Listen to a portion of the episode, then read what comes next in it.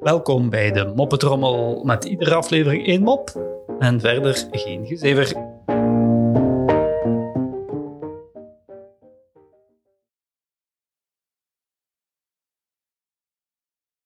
Een man wandelt een restaurant binnen met aan zijn zijde een beeldschone vrouw en een struisvogel. Hij bestelt de duurste gerechten, hoofdgerechten, tussengerechten en desserts van de kaart.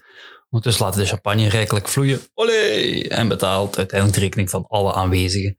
Meneer wil vertrekken, komt de ober naar hem toe en zegt: ehm, Meneer, uh, toch een uh, vraagje. Het is een hele rare situatie. Hij komt er binnen met een uh, waanzinnig knappe vrouw en een struisvogel. En ik heb nog nooit iemand zoveel zien uitgeven op één avond. Ik vind dat eigenaardig. vertel eens.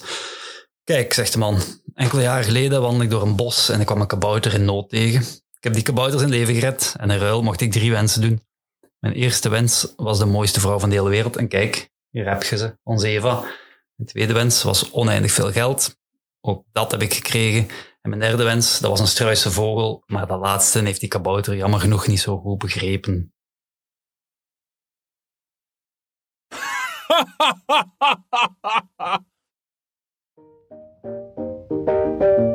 Zo, dat was de moppetrommel voor vandaag. En tot morgen.